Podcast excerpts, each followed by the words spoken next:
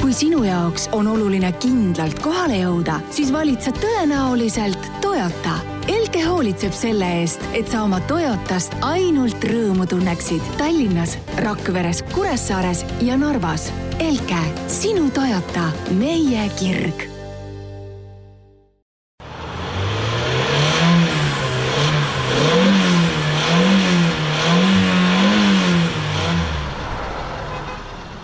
tere ilusat kolmapäeva, äh, istme-soojendusaeg on taas ja mina olen Jan-Mattias Mandri ja minuga on siin stuudios Veli Rajasaar, niimoodi nagu siin juba viimastel aegadel tavaks on saanud. et äh, räägin teile siis tänastest teemadest. räägime loomulikult äh, jälle lamellrehvidest, et kes äh, interneti avarustas eile aega veetis, see nägi ka kindlasti Ülle lugu, kuna see oli väga populaarne erinevates kohtades, et äh, Tallinn siis soovib, et inimesed sõidaks lamellidega linnas ja, ja vaatame natuke, kas see tundub mingi reaalne plaan või on see lihtsalt selline äh, roheline soovunelm. räägime ka uuest äh, liikluspealekaebamise äpist Supervisor, et äh, natukene naljakas äpp, aga vaatame, mis sellega teha saab ja, ja kes seda teha võiks Äh, loomulikult ei saa me, ma, me mööda ka Reidi teest, mis on avatud, et see on ikkagi üks äh, suur projekt äh, liikluse mõistes ja ja, ja inimesed on seal juba enda pahameelt avaldanud, mille pärast täpsemalt, sellest räägime juba hiljem.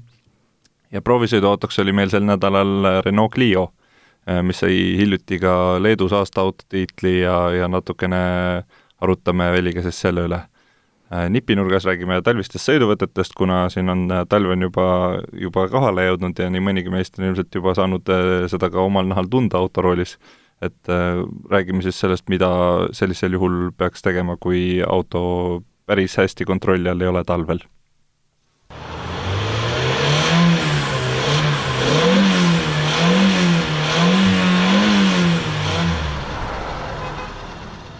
nii, Veli, jälle need äh, lamellrehvid ja naastrehvid, et me oleme siin juba, on ju, paika pannud omavahel, sina sõidad äh, naastuga, on ju, mina sõidan lamelliga, on ju, Tallinn tahab, et kõik oleks nagu mina, on ju, et äh, noh, kui me siin vaatame nüüd üle, on kõvasti teinud äh, statistikat äh,, esiteks, Tallinnas elab pea pool miljonit inimest, on ju, äh, Tallinnas ja Harjumaal on üle kolmesaja tuhande sõiduki, mis tõenäoliselt käivad aeg-ajalt ka pealinnas ja sinna kõrvale siis selline fakt, et äh, naastrehvidega sõiduk kuiva teega äh, tirib üles terve talvega umbes sada kilogrammi asfalti. ja, ja sellepärast siis Tallinn tahabki, et äh, et inimesed nende naastrehvidega linnas ei asjataks, aga, aga nagu me näeme tänavapildist, siis ega see kampaania vist väga edukalt ei lähe äh, jah, tunnistan, et mina olen ka üks neist naastrehviga krõbistajatest ja noh, linnasõite selles mõttes vältida ei saa. Äh, Naastrehvi puhul ma saan aru sellest, kui sa elad äh, linnast äh, väljas, siis see on kohe noh, eriti arusaadav, et linnas on teed tavaliselt hooldatud, isegi sul süda, südatalvel on teed pigem nii, et sa krõbistad ikkagi ringi, soola ja seda pläkki vedeleb igal pool aga sellist jääd-lund, äh, sellist lauslibedust äh, linnas, just kesklinnas ei ole, et noh, selles mõttes ma saan aru, et miks, miks see, miks see võiks olla tahetud, aga kohe, kui sul on kusagil toimetamist väljaspool, kus teed ei ole nii hästi hooldatud, siis ma saan aru sellest pahameelest, et mis mõttes siis nüüd peaks lamellidega ringi künama no ma vaatan siin, et Ülle on tegelikult meile saatnud ka kahe grupi küsitlused, et ta siis äh, street.ee ja Nõmmekate Facebooki gruppides äh, lõi siis need numbrid kokku, et kuidas inimesed ja millega sõidavad ja, ja street.ee-s on näiteks üle seitsmekümne protsendi inimestest sõidab naastrehvidega ja Nõmmekates äh, viiskümmend üks protsenti, et see nagu näitabki väga hästi, et ikkagi valdav osa sõidab naastudega ja, ja noh, tegelikult on ka see, et äh, kui sa räägid siin, et väljaspool Tallinna on naast äh, väga oluline ja, ja tihti kasulikum, siis ega me ju näeme seda samamoodi Tallinna tänavatel, et tegelikult on ju tänavad on hooldamata, eriti just siin, kui noh, minu arust on iga kord see, et äh, kui see lumi maha tuleb, siis see on nagu kõigile üllatus, et see on siuke et nüüd, nüüd meil on nagu pooled tänavad on lumised ja, ja siis üritatakse kuidagi lähima paari päeva jooksul need asjad korda saada, et selles mõttes on äh, on sellel äh, naastupooldajate argumendil täiesti, täiesti nagu tõde sees. et ei ole see, et ainult äh, väljaspool linna saab sõita. aga, aga samas Ülle on siin kokku pannud ka selle, et, et mitmed need inimesed, kes küsitlusele vastasid, ütlesid, et nad on hiljaaegu vahetanud oma, oma siis naastrehvid lamellide vastu ja on äh, väga rahul ja vahet ei olegi, et võib-olla on isegi parem. Et, äh, et see on nagu see teine pool jälle. jaa, muidugi, ja see jällegi, nagu me siin mõned saated tagasi arutasime, siis äh, siis lõppkokkuvõttes olgu sul tutikas naast või tutikas lamell, tõenäoliselt tavasõidul sul ei olegi mingisugust suurt vahet tegelikult. et äh, mina kirjeldasin lihtsalt seda, noh, minu põhiliseks argumendiks on see äh, puhtalt tunnetuslik argument, et sõites tundub mulle, et naastuga on rohkem kontrolli just siis, kui äh, libisemiseks läheb. et lamelliga on see tunnetus ja juhitavuse taastamine kuidagi niisugune ümaram ja libisemised tavaliselt äh, suuremad ja kiirused äh, jällegi, mille, mille alt kontrolli, kontrolli alla saab asja ilusti, on naastuga justkui suuremad. et et äh, aga see jällegi mängib rolli ainult mingisuguse niisuguse lauslibeda ja lumise ja jäise tee peal. et ma arvan lõppkokkuvõttes, et see Tallinna linna soov siis on noh, ega seal midagi väga ebamõistlikku tegelikult ei ole minu arvates jah, et mul endal tuleb sellega seoses meelde üks kommentaar, mida ma ka nägin, ma ei mäleta, millises meediumis see oli, aga see oli selle sama loo kohta ja see kommentaar oli selline, et et äh, kui sõita ei oska, et siis ei päästa naast ka, et mis vahet seal on mm, -hmm. et mhm. lõppude lõpuks võid ikkagi ilma naastata sõita, kui sa, kui sa sõita ei oska. jaa, ja kui me võtame nüüd selle statistika veel, mis ta oli pandud, et äh, sada äh, kilo asfalti per auto, on ju, mhm. et isegi kui nendest kolmesajast tuhandest autost äh, käivad äh, ainult kolmandik äh, linnas igapäevaselt, siis lõppkokkuvõttes on see ikkagi siis meil ju kümme miljonit Äh, kilogrammi tolmu põhimõtteliselt, mis meil ladestub igale poole mm. -hmm. et see on ikkagi, mida iganes saaks teha, et seda vähendada, et selles mõttes on see tervitatav minu arvates. ja vot, kui siin eestlasele meeldib vaadata ikkagi, et mis äh, kaasmaalasel, äh, milline rehv all on, siis räägime ka uuest Supervisori äpist, mille eesmärgiks on siis hakata telefoni abiga selliseks liiklustalguliseks ja, ja põhimõtteliselt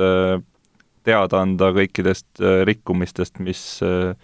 mis kuskil aset leiavad, et telefoniga no. filmid üles ja laed ja, üles. Need, neid äh, liikluspealekaebamisi satub tegelikult igale poole, et seesama kõnealune Street'i grupp, seal ajal, aeg-ajalt on niisuguseid avalikke häbiposte, igasugused need mingid märgatud grupid ja kõik, et noh, seda nii-öelda tööd, kui seda nii saab nimetada, pealekaebamise tööd teevad inimesed niikuinii ja noh, tee, mis sa teed, lõpuks jääd kuidagi ikka kellelegi ette oma mingisuguse äh, või jääb sulle keegi ette, kes sulle pinda käib, on ju, et äh, et selles mõttes saan aru, kust see äpp on tulnud, aga küsimus minu jaoks esimene on see, et ähm, see justkui äh, äh, justkui õhutaks telefoni näppimisele roolis, et kui tegelikult on ju see, et kui sa sõidad äh, näiteks tipptunni ajal, vaatad äh, teisi autosid, kes sinuga koos ummikus passivad, siis peaaegu kõigis on inimesi üks, et harva, kui on auto kohta rohkem kui üks inimene et kuidas siis on mõeldud see, täpselt see jäädvustamine ja noh, ühesõnaga see õhutab tegevusele, mis äh, omakorda sobiks äh, pealekaebamise aluseks. jah, et ma samamoodi mõtlesin sama asja, et okei okay,, pardakaamera videote üleslaadimine on üks asi, on ju, et sealt võib-olla saaks mingit äh, sellist turvaliselt kogutud ja normaalset infot, aga kuna see on ikkagi telefonile suunatud äpp, siis äh, noh, kes, kes see seda filmib, äh, autoroolis sa ei tohi ega saa filmida, äh, kõrvalistaja nüüd vaevalt äh, on niimoodi, istub ja kaamera on nagu kogu aeg väljas, et sa täpselt selle rikkumise peale saad, on ju. jalakäija ma ei usu ka, et filmib, sest et noh, ütleme, ma arvan, et pooled jalakäijad isegi ei tea liikluseeskirju mm, -hmm. sellepärast nad ongi jalakäijad ja, ja selle piir, selle nagu kõikide nende piirangute tõttu tulebki välja, et see äpi nagu põhimõte, mis on see, et koguda mingist äh, mingist piirkonnast statistikat nii-öelda ja selle põhjal välja selgitada, et mis need probleemsed piirkonnad on, on ju, siis kuna neid inimesi, kes tegelikult filmiks, on äh, väga vähe, siis ma näen kohe sealt joonistumas välja sellist probleemi, et sul on võib-olla mingi üks-kaks äh, ala, kus need inimesed tihedamalt liiguvad, need, kes kõige tihedamad filmijad on ja need joonistuvad sul kohe probleemaladena välja, isegi siis, kui need tegelikult seda ei ole. et see valim lihtsalt ei ole piisavalt suur selle jaoks ja, ja võib-olla sul ongi see üks inimene, kes pidevalt käib ja pildistab äh, igaüht, kes on natukene üle joone parkinud Kristiine keskuses ja siis sul ongi kohe seal kaardi peal vaatab vastu, et Kristiine keskus on Tallinna kõige probleemsem koht ja et selle infoga nagu ei ole suurt midagi peale hakata. Et jah, äh, siin kehtib see vana hea printsiip, et äh, sellises ütleme siis kaasahaaravas sotsiaaltegevuses, siis sotsiaalvõrgustiku tegevuses üks protsent selliseid aktiivseid võivad välja joonistada väga groteskse mustri, mis tegelikult ei peegelda üldse tegelikkust. et vaatame samamoodi kommentaariume kusagil mille iganes all,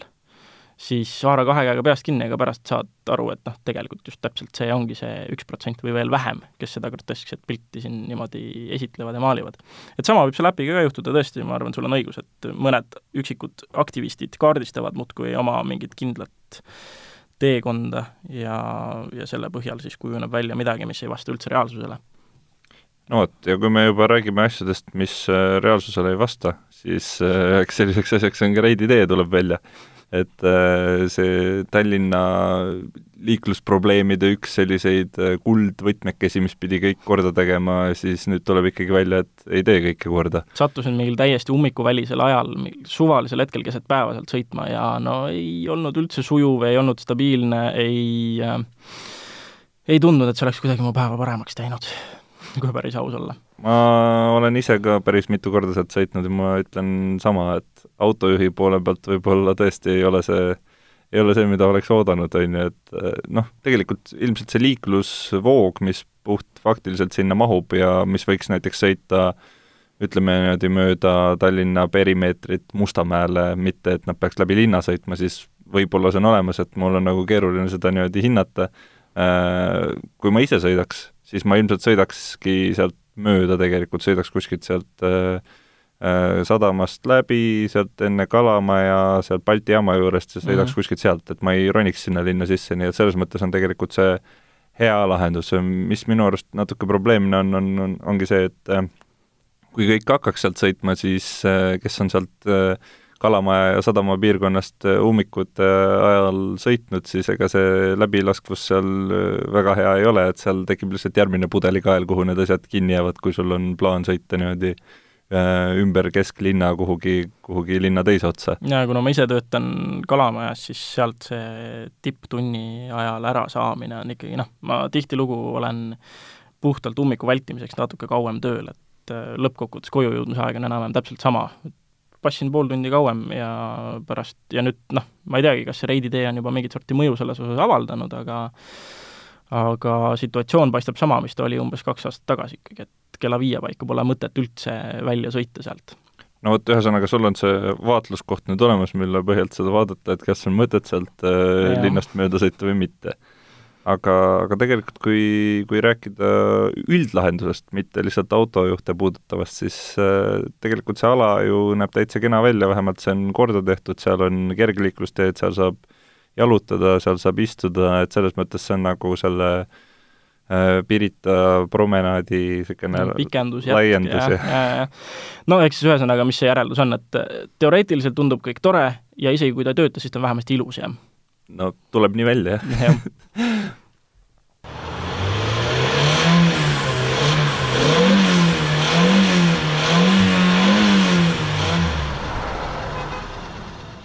nii, nüüd räägime sellisest meelsast masinast nagu Renault Clio, et äh, on siin äh, küllaldaselt saanud kiita nii sinu poolt kui ka, kui ka leedulaste poolt, kes nüüd selle aasta autoks valisid, on ju. et sa ise nomineerisid ka selle aasta autoks, on ju? Jaa, see oli minu valik number üks nendest kuuest ja põhjusteks olidki siis peamiselt äh, need, et äh, esiteks hind, äh, ta on alla kaheteist tuhande euro, on täiesti blank mudel. Ja noh, põhiline argument minu jaoks aastaauto juures oli see, et ta peab olema kättesaadav inimestele. et noh, kordan sama vana argumenti, mis ma juba korra Audi e-trooni kohta ütlesin, et noh, me lihtsalt ei saa võrrelda kaheteist tuhande eurost ja saja tuhande eurost autot, et noh, tõesti, sul saja tuhandega on autot äh, seal noh, sellega sa ehitad valmis palju sellise külluslikuma paketi igatahes. aga Clio oli just kõige suurem üllataja, et sellise raha eest selline asi, et äh, vaikne see vaikus oli esimene asi, mis mind üllatas tõesti, sõitjate ruumi müra oli, oli väga vähe. See, et ta on vilgas, see, et temaga on võimalik tõesti lõbusalt sõita ja ainuke miinus on tegelikult jah see, et ta on luukpära ja ruumi asjade mahutamiseks on suhteliselt vähe ja ma saan aru, et see sai teiste autoajakirjanike arvates noh, see on see peamine põhjus, mis, mis talle ka selle aasta auto tiitli maksma läks Eestis. aga väga tore, et leedukad ta välja valisid, et vähemasti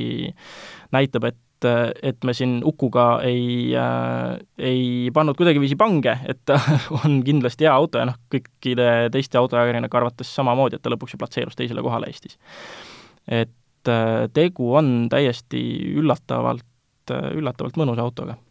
ma olen äh, täiesti nõus ja ma vaatan neid märksõnu, mis ma ise olen siin äh, kirja pannud ja tegelikult kohe esimene asi, mis ka välja joonistub, on äh, üllatav. Et et ja just selle, sellesama, mis sa mainisid, selle sportlikkuse mõttes või selline mm -hmm. sõidukogemus, et äh, see ei ole see, mida sa ootaks sellisest äh, ütleme, kaheteist tuhandese alghinnaga väiksema klassi autost, et äh, ta püsis väga hästi, kiirendas kuni ütleme, äh, seitsmekümneni üpris mm, -hmm. üpris teravalt ja, ja selles mõttes oli nagu täitsa, autot oli selle raha eest küllaga. Ma tooks mõned asjad välja, mis mulle endale meeldivad, on mugavus mm. -hmm. see on mhm. kõikide Renault'de puhul, mis ma siin viimasel ajal olen sõitnud, et tohutult mugavad autod on, selles mõttes just, et kuidagi kõik see, noh, ma olen siin küllalt rääkinud sellest, et näiteks Toyotadega, väike, eriti väiksemate Toyotadega mul on nagu läbisaamine on suht kehvapoolne, sama asi on Lexusega, kuna ilmselt nad ongi nagu mõelnud autot tehes äh, Aasia inimeste peale või mingite mm -hmm. kuskilt väiksemate inimeste peale, ehk siis mul on selle nagu mugava isteasendi leidmine seal niisugune äh, paras piin. Äh, Renault puhul ei ole seda mitte kunagi mitte ühegi mudeli puhul ei ole veel olnud, et mul oleks nagu raske leida seda enda jaoks mugavat asendit. et kuigi see tundub selline suhteliselt nagu otsitud asi, siis tegelikult see, see ei ole üldse nii väike asi, et mul on täitsa mitme auto puhul olnud siin seda probleemi juba. Ähm, mis mulle veel meeldib, on, äh, on see Renault multimeediasüsteem Äh, just see suur ekraan, mitte see, et noh, iseenesest see, kui sa seda süsteemi muidugi kasutama hakkad, siis see loogika on ikka suht jama, pehmelt öeldes, aga kui sa kasutad seal Android autot või Apple CarPlay'd, siis tegelikult see suur ekraan on väga hea ja sa saad kõiki neid äh, enda telefoni asju seal ilusti kasutada suure ekraani peal. et selles mõttes äh, selle eest kindlasti boonuspunktid, selle eest, selle loogika eest võib-olla mitte nii väga, aga, aga kui sul on telefon, sulle meeldib telefoni autos kasutada nii-öelda enda multimeediaseadmena, siis see on super lahendus minu arust. kuna ma ise ei jõudnud selle multimeediasüsteemiga väga pikalt tutvuda, siis mul on üks küsimus, ma lihtsalt mäletan ühte Renault proovisõitu võib-olla, ma ei tea, kahe aasta tagusest ajast äkki mm, -hmm kus oli selline hetk, kus ma siis paaritasin oma telefoni selle multimeediaga ära ja ta automaatselt otsustas, et nüüd on aeg hakata su telefonist otse muusikat mängima, aga selles mõttes muusikat mängida, ta võttis ette ette vist automaatselt esimesed MP3 failid, mis ta sealt telefonist mängis helinaid? Ei, ta hakkas äh, araabiakeelseid mingeid prompte mulle ette mängima mm.. mingisuguseid, ma ei tea, kas need olid siis teejuhised või mingid häälkäsklused või mingisugused asjad, mis iganes telefoni mäles olid, kas ta tegi sul ka midagi sellist või on nad selle, selle lutika nüüd lõmastanud? no ma Bluetoothiga ei ühendanud, selles mõttes ma panin ikkagi äh, juhtmega otse mm. Androidi autosse, selles okay. mõttes ma ei oska sulle seda kommenteerida ja, ja ma ei ole kindel selle suhtes, et kas mu telefonis need araabiakeelsed ah, promptid okay. olemas on, et ma, et ma seda katsetada saan, aga, aga ei, ma ei, ma ei ei usu okay.. ei usu, aga see on, see on ainult minu arvamus, mitte mu äh, reaalne katse tulemus. aga, aga üks asi veel, viimane mm -hmm. asi. ja see on äh, see paremal pool rooli äh, all olev see multimeedia juhtimise mm -hmm. pult. see on nii mugav asi, et ma olen, kõik Renault, millega ma olen sõitnud, siis sa nädalavahetuse jooksul juba harjud ära sellega, et see asi on olemas, okei okay,, sealt saab Äh, vahetada laulu, seal on niisugune rullik ketas, millega saab laulu vahetada, saad äh, muusikat kõvemaks panna, muusikat vaiksemaks panna, äh, muusikat mute ida, ehk siis kõike saad sealt teha, mida sa te teeksid muidu sealt keskelt.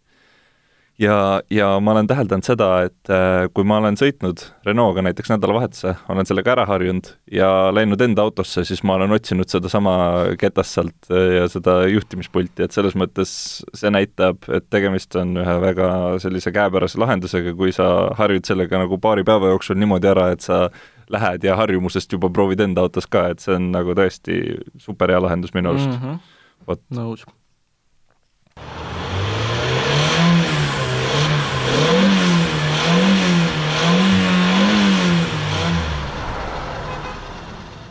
nii, ja talvistest sõiduvõtetest siin, et see on ka siin tegelikult juba midagi sellist, mida me oleme põgusalt puudutanud, aga, aga seekord on teemapüstitus on natukene spetsiifilisem, et äh, mida siis ikkagi teha, et kui auto läheb külglibisemisse või ei saa ristmikul pidama, on ju? jah, siin me oleme sellekohaseid äh, videoid teinud ka varem ja noh, see mõlemad asjad tegelikult esimene, esimene asi oleks äh, ikkagi see pikivahe, mida me samuti mõni saade tagasi mainisime. et kui on libe, siis pikivahega vastavalt kasvatada, et sul oleks rohkem aega reageerida. Mis iganes situatsioon ka ei oleks, et siis sa ei sõida ega ei libise kellelegi tagant sisse loodetavasti. aga nüüd see libisemise asi üleüldiselt ähm,, me võime siin rääkida mida tahes, aga lõppkokkuvõttes, kui sa seda endale lihasmällu harjutanud ei ole, siis ei ole midagi teha, et äh, tegelikult tuleks ikkagi võtta äh, mis iganes veoskeemiga auto sul ka ei oleks, võtta ja viia ta kusagile platsi peale ja proovida ja proovidagi neid piirsituatsioone, et, et mis, mis iganes enda jaoks mingi mõtteline kurv maha märkida, vaadata kiiresti sa seda läbida suudad, minna sinna natuke liiga kiiresti ja proovida sealt siis läbi minna ja vaadata, mis juhtub, kuhu poole sa libised, kuidas auto käitub, et et siin kõik need võtted tegelikult sõltuvad veoskeemist vägagi palju, et äh, esiveoga on selles mõttes äh, äh, mingit pidi lihtne, mingit pidi natuke petlik, et äh, hästi tihti on see reaktsioon, et kui noh, esivedu kaldub alajuhitavusele ja kui sa oled kusagil kurvis ja sul läheb auto alajuhitavaks, siis esi- äh,, alajuhitavaks, siis esimene reaktsioon on pidurit põhja litsuda. ja see on täiesti vale asi, mida teha, sest sa lihtsalt libised välja siis äh,. Väga niisugune ebaintuitiivne asi, mida teha, et juhitavust taastada esiveolisega, on pidurdada korra, et kiirust natukenegi maha saada, pidur lahti lasta ja siis keerata rattaid korra nii-öelda kraavi poole, et äh, rehv saaks uuesti pidamist natukene tagasi ja siis uuesti sinnapoole, kuhu sa minna tahad, ehk siis kraavist eemale. ja jällegi see on asi, mida tuleb kusagil platsi peal katsetada ja lihasmällu harjutada, aga lõppkokkuvõttes on see, et kui sa sätid endale selle mõttelise kurvi maha, lähed sinna liiga kiiresti, proovi lihtsalt läbi, mine korra liiga kiiresti ja keera rattad sinna, kus sa minna tahad ja vaata, kui palju sa libised. ja siis proovi seda lahendust, et mine sinnasamma kurvi sama kiiresti äh, ning keera korral, selle asemel, et lihtsalt rooli hoida sinnapoole, kuhu sa minna tahad, keera teda korra nii-öelda kraavi poole ja siis tagasi ja vaata, kuidas sul on pidamist rohkem ja sa saad äh, paremini ja kiiremini joone peale, nii-öelda siis sõidujoone peale. ja no nelikuga ma olen selle enda jaoks, minu, minu jaoks nelik on kuidagi kõige intuitiivsem, et äh, ma olen kasutanud siin aastaid äh, neliku kohta väljendit, et et kui tahad temaga lõbutseda, siis keera rattad sinnapoole, kuhu sa minna tahad, anna gaasi, ja kui hakkab käest ära minema, siis keera rattaid rohkem sinnapoole, kuhu sa minna tahad ja anna rohkem gaasi. Et tegelikult on nelikuga see, et vähe on situatsioone, kus sa tahaksid jala gaasipedaali pealt ära tõsta, et, äh, et midagi päästa. et pigem ongi see, et keera, kuna sul ka esirattad veavad, siis keera ennast sinnapoole, kuhu sa minna tahad ja lihtsalt jõuga tiri ennast tagasi joonele, et nelik selle koha pealt tundub kõige intuitiivsem minu jaoks aga vot tagaveo osas ma, ma ei tea, palju sul tagaveo koge-, kogemust on, kas sa tahad midagi kaasa rääkida? ma just ütlen äh, niimoodi off the record, et äh, just eile käisin äh, tagaveoga katsetamas ja ma, üldiselt mu kogemus tagaveoga on väga-väga-väga marginaalne. ja, ja ma lihtsalt äh, läksingi sõbra autoga äh, ja läksingi proovisin, kuidas tagavedu siis nagu talvel käitub. lihtsalt selleks mm, -hmm. et, et nagu seda teadmist enda jaoks äh, nagu välja selgitada või seda teadmist kuskilt hankida, et kuna mul endal tagaveolist autot ei ole ja ilmselt lähiajal ei tule ka, siis mm, -hmm. siis lihtsalt huvi pärast. Ja jube keeruline on ikka seda asja hallata, eriti kui autol on võimu, tal on vist sada viiskümmend kilovatti mm -hmm. ja ainult tagavedu, et äh, kui sa tuled esiveo pealt, mis on noh, ma olen terve elu sõitnud esiveoliste autodega, põhimõtteliselt ühtegi nelikut ei ole olnud, ühtegi tagaveolist ei ole olnud. Et äh, selles mõttes ongi, ongi, minu jaoks on see esiveolises juba see intuitiivne, on ju, et äh, kui mingi olukord tuleb, siis ma käitun niimoodi, nagu esiveolisega käituks, see, kuidas tagaveolisega käituda, see on nagu täiesti, minu jaoks oli nagu ma oleks äh, kauboi kuskil ja peaks lassoga hakkama püüdma mingit looma, kes nagu väga üldse ei taha sellele alluda, et ma teda lassoga püüan. et äh, noh, teda on keeruline ikkagi kontrolli alla saada, eriti kui sa oled teiste veoskeemidega harjunud ja, ja selles mõttes see vajab ikka kõvasti harjutamist. aga äh, tänapäevaste autodega, noh, me proovisime seda ka, et kui palju on, kui palju on siis, kui on see stabiilsuskontroll peal mm, -hmm. kui mhm. palju on siis, kui on piiratud stabiilsuskontroll ja kui palju on siis, kui täiesti maas on ja see on ka ikka täiesti nagu kaks erinevat maailma. et see, kus stabiilsuskontroll on peal, on ju, sa annad gaasi, sa tunned küll taga väikest vibelust, aga tegelikult sul midagi nagu käest ära ei lähe aga see, et kui sa selle maha võtad, siis on nagu see, kus äh, lõbu algab mm. -hmm. aga ka see, see olukord, kuhu liikluses nagu kindlasti ei tahaks sattuda niimoodi kogemata, et ups, ma nüüd siin täiesti külge ees sõidan no, põhimõtteliselt terve ringi maha, et et äh, selles mõttes tagaveolisega ilmselt on seda harjutamist on kõige rohkem, aga seal on jah, tal on rooli lappamist äh, kõige rohkem, aga üks asi, mis mul esiveo kohta jäi veel ütlemata, et ma küll rääkisin siin alajuhitavusest, kui esiveoga peaks mingi, mingil juhul äh, mingil põhjusel tekkima ülejuhitavus, ehk sa tunned, et saba hakkab välja astuma, siis on jällegi samamoodi see, et jalga gaasilt tõsta ei tohi, hoia lihtsalt rooliga sinnapoole, kus sa minna tahad ja hoia jalga gaasi peal. et kui sa jala gaasilt ära võtad, siis tõenäoliselt Äh, sa, sul saba astub veel rohkem välja ja sa leiad end situatsioonist, kus äh, sa vaatad tuldud teed.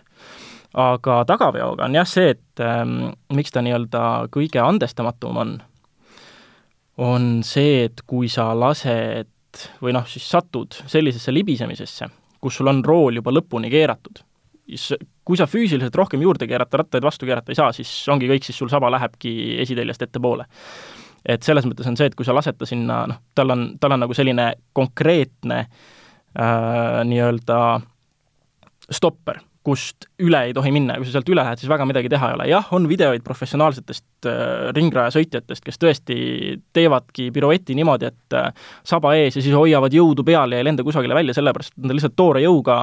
saba ees kasutavad seda jõudu pidurdamiseks. ja siis nad ei käi välja, aga ka see on niisugune fifty-fifty, et isegi kui sa oled professionaalne sõitja, siis noh, kui sa teed tagaveoga pirueti, siis äh, mingil määral sa ikkagi oled pärast seda juba reisija, et seal ei ole väga midagi teha, no mis sa teed, teed kolmesaja kuuekümne ja jätkad tuldud teed pidi või, või jätkad, jätkad siis äh, nii, nagu sõit enne plaanis oli või et noh, see, selleks on vaja kas väga palju oskust või väga palju õnne või mõlemat. et selles mõttes jah, tagaveoga on vast kõige rohkem harjutamist vaja, et kuna tal on niisugune konkreetne piir, kust edasi enam väga midagi teha ei ole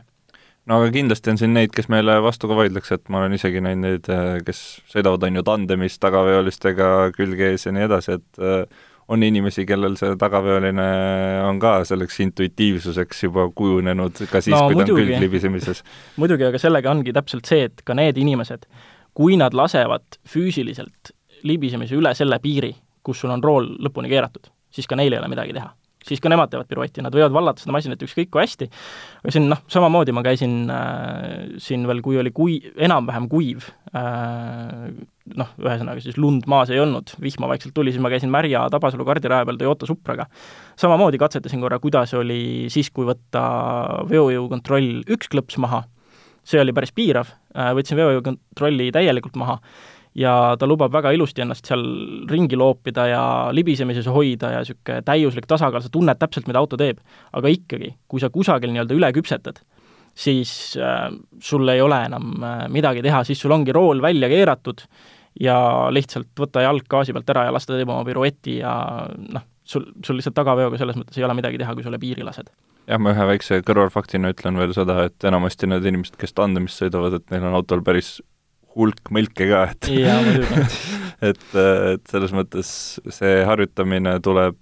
tagaveolistel ikka kõva hinnaga mm. -hmm. aga nüüd meil üks asi muidugi jäi veel, jäi veel rääkimata ja see on see, et äh, kuidas mitte siis kellelegi tagant sisse sõita libedaga. et ähm, üks asi, mis sai mainitud, pikivahe, teine asi on see, et jällegi ajapikku tuleb see teadmine ja niisugune tunnetus, et mis su ümber parasjagu on et ma olen tihtilugu tabanud ennast sellelt mõttelt, et, mõttelt, et kui ma sõidan äh, väga libedates oludes, siis ma teadlikult äh, vahepeal vaatangi ja mõtlen, nii kui nüüd midagi peaks olema, siis vasakul mul hetkel autot ei ole, paremal ei ole ka midagi, et kui vaja on, siis ma saan lisaks pidurdamisele ka vot sinna või sinna suunda ära keerata, et mitte kellelegi tagant otsa sõita. et kogu aeg peab olema kusagil pea ja aju tagaosas peab olema mingisugune teave sellest sind ümbritsevast. et kus sul on nii-öelda, kus sul on nii-öelda turvalised kohad, kuhu veel minna, kui pidurid ei ole enam piisavad. vot, ühesõnaga tal-, talvisel ajal kindlasti tasub äh, olla teadlikum enda sõidustiili suhtes, olla teadlikum selle suhtes, mis sind ümbritseb. et see on nagu see peamine mõte siis, millega edasi minna, et nii enda ja kui ka teiste ja loomulikult harjutada. aitäh kuulamast, kuuleme juba järgmisel kolmapäeval